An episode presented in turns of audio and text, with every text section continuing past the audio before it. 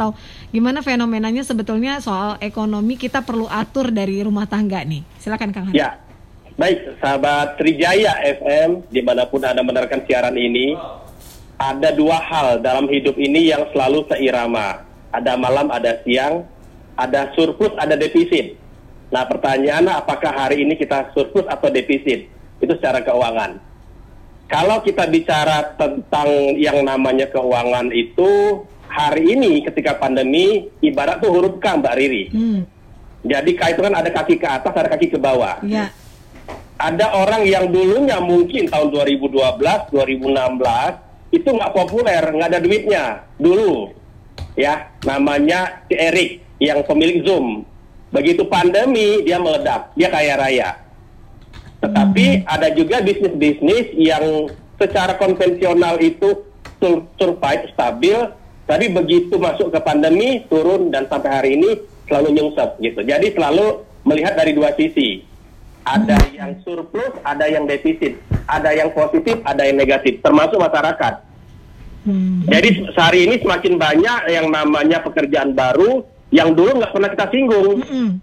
Ya dulu namanya youtuber itu mungkin kata kesekian setelah pekerjaan profesional seperti dokter dan lain-lain. Mm-hmm. Tapi hari ini itu meledak. Mm-hmm. Nah, balik lagi ke kantong masyarakat juga sama. Ada yang hampir hari ini masih bisa mudik, ada yang tidak bisa. Seperti itulah kira-kira kondisinya hari ini. Hmm, oke. Okay. Nah, tapi kalau misalkan kita juga pengen tahu ada nggak sih cara efektif ngatur keuangan agar kita tuh nggak minus ya dan terjadi perim, perimbangan di saat-saat kondisi kayak gini Kang Hari? Ya, yang pertama adalah kita harus tahu ada empat kondisi Mbak Riri. Apakah hari ini kita sehat secara keuangan? Itu satu. Yang kedua, apakah kita sehat setengah sehat keuangan atau sakit keuangan atau hmm. sakit keuangan berat? Itu dulu. Oke, diidentifikasi Jadi, dulu gitu ya. Ya, kita harus identifikasi namanya financial check up. Kan ada medical check up, ada financial check up. Jadi kalau ada istilah PSBB itu adalah rapid test, ini adalah rapid test secara keuangannya. Mm -hmm. Ya, paling tidak minimal lah. Apakah kalau kita punya utang itu melebihi dari 35% dari gaji kita, kalau itu berarti sudah kategori ya bisa mungkin sakit keuangan atau mungkin setengah sehat lah, kira-kira begitu. Hmm, oke. Okay. Jadi kita memang perlu nih sebetulnya ya identifikasi dulu sebetulnya keuangan kita nih dalam kondisi yang kayak gimana. Nah, kalau iya. soal, kalau soal menentukan skala prioritas, mungkin ada juga ya rumah tangga yang terutama cicilan-cicilan kan Kang Hari ini yang kayaknya Betul. juga agak berat ya yang bikin orang-orang kadang-kadang belum lagi cicilan rumah, cicilan mobil dan lain sebagainya. Nah, ini iya. sebetulnya ya. sedangkan keuangan bisa jadi ada yang dipangkas karena kondisi perusahaan dan lain sebagainya. Gimana Betul. kita bisa menyeimbangkan ini Kang Hari? Ya, jadi begini, ada rumus namanya jatuh Mbak Riri ya dan sahabat juga jadi tuh jatuh tuh jarangkan, turunkan, hilangkan, gitu kan. Okay. Dulu sebelum sebelum era apa maaf, eranya normal itu kita nonton mungkin sebulan tuh empat kali mm-hmm. di bioskop, ya kan. Tapi begitu kita kena pandemi, kita kerja di rumah, otomatis nontonnya itu berkurang sama sekali nol. Berarti ada yang kita bisa uh, turunkan atau kita hilangkan.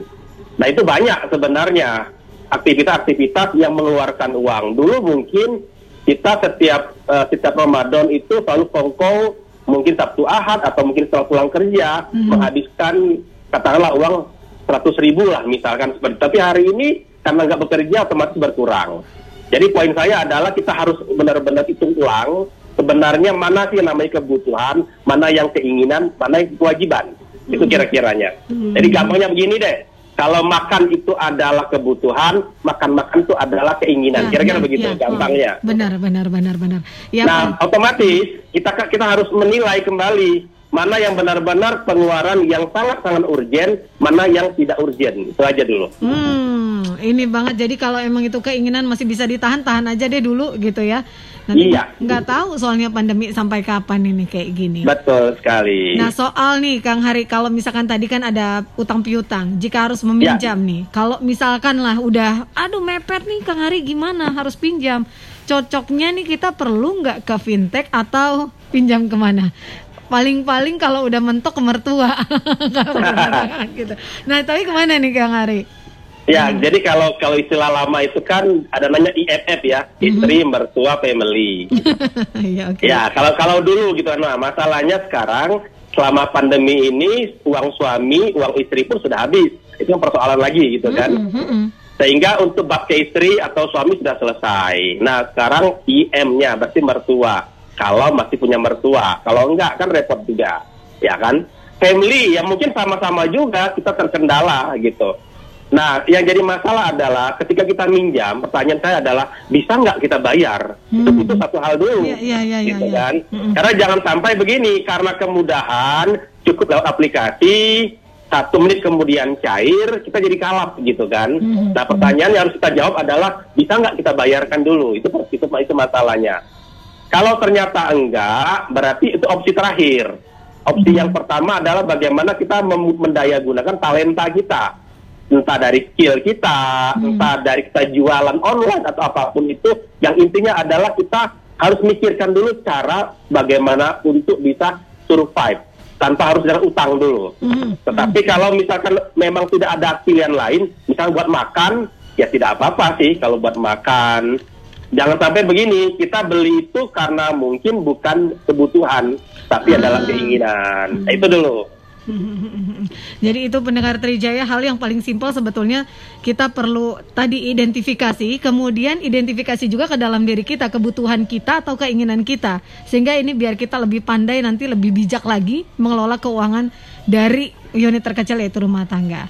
Nah, kalau ngomong soal kemudian membangkitkan pundi-pundi keuangan, ini sekarang juga yeah. kalau dipikir benar saya setuju sama Kang Hari tadi kan ada yang memang kondisinya katanya lagi lagi drop banget tapi di sisi lain ada juga tuh yang biasa-biasa aja malah lagi tren dan jadi lagi happening di masa pandemi kayak gini. Nah, ya. untuk membangunkan dan juga melihat alternatif lain nih, Kang Hari sebagai ya. sebuah penghasilan atau ceruk-ceruk baru, mungkin Kang Hari punya tips nggak soal ini? Atau harus misalkan berbisnis, kira-kira bisnis apa yang menurut Kang Hari jadi rekomendasi di masa pandemi ini? Ya, yang satu pertama adalah kita harus menilai kembali. Tadi saya bilang talenta kita apa sih gitu kan. Hmm. Contoh nih, saya seorang trainer yang begitu kena pandemi, yang biasanya offline itu berhenti, ya kan? Hmm. hmm, hmm. Otomatis saya harus hijrah dari offline menuju online. Hmm. Artinya core bisnis saya tetap adalah trainer, training, tetapi hanya merubah cara-cara melakukannya itu satu. Mm-hmm. Yang kedua, tadi pagi ada yang bilang Pak Hari bisa nggak jadi ghostwriter, gitu kan? Mm, yeah. Kalau menulis itu adalah bagian dari passion saya dan memang temanya saya sepakati atau saya sukai, deal berarti saya ada income kedua mm-hmm. dari sebagai penulis, okay. ya kan? Mm-hmm. Nah bisa juga misalkan kita lihat nih kebutuhannya apa sih di tetangga kita, apalagi ini Ramadan nih Mbak Riri. Mm-hmm. Misalkan kita satu perumahan, katakanlah ada 20 atau 30 atau 40 rumah, gitu kan? Kenapa sih kita harus meninggalkan rasa malu kita dulu? Kita harus kolek dulu, misalkan ibu hari ini mau buka apa, mm. misalkan ya. Lalu satu ada sekitar 20-an rumah kita kita tahu kebutuhannya, tinggal kita hubungkan sama teman-teman UMKM. Ada yang hmm. jualan kola, ada yang jualan pisang dan segala macam.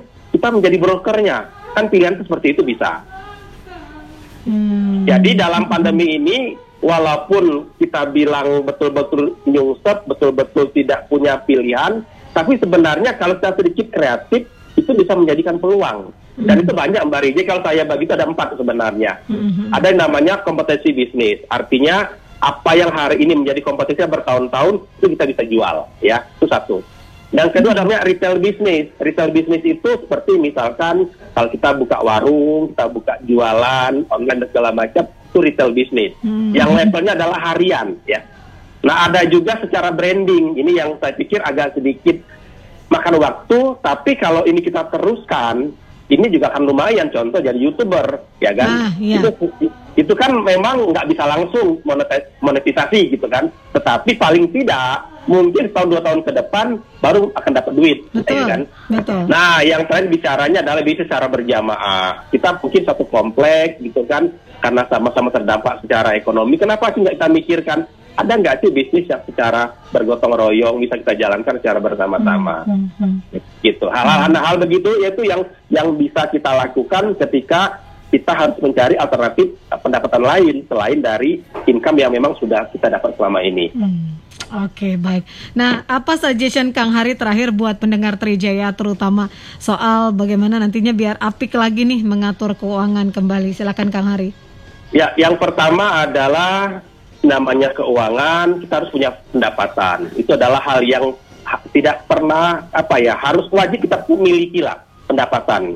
Hmm. Jangan hanya dari satu pendapatan, tapi dua, tiga, empat sampai minimal sepuluh lah, kalau bisa. Itu satu. Hmm. Nah, setelah kita dapat pendapatan, itu kita harus sisihkan untuk bertumbuh, namanya investasi. Hmm. Nah, investasi ini bisa ke realnya, bisa ke pasar modal dan lain-lain. Intinya, intinya adalah ketika kita punya pendapatan, awalnya adalah kita investasikan sebagiannya. Hmm.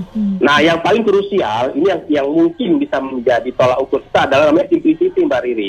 Hmm. Hidup semurah mungkin yang kadang banyak orang itu kaya sama kelihatan kaya itu beda.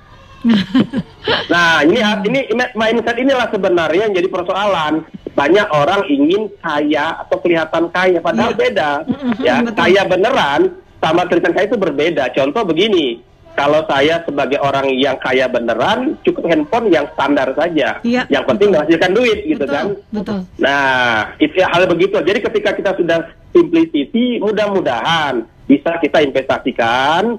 Dari investasi dapat lagi pendapatan gitu. Hmm. jadi income investing simplicity. Oke okay, sip. Baik mudah-mudahan ini bisa jadi tips juga buat pendengar Trijaya yang kayaknya udah mulai kayak pusing-pusing kepalanya ya. Aduh gimana lagi nih ngatur uangnya gitu ya di masa pandemi. Kang Hari terima kasih banyak udah ngobrol-ngobrol singkat sama Trijaya. Mudah-mudahan kapan-kapan kita bisa ngobrol lagi ya. Siap, makasih Mbak Riri juga okay. sahabat Trijaya semuanya. Oke, okay, sehat selalu dan lancar puasanya Kang Hari. Assalamualaikum. Amin, amin, amin. Waalaikumsalam warahmatullahi wabarakatuh. Pendengar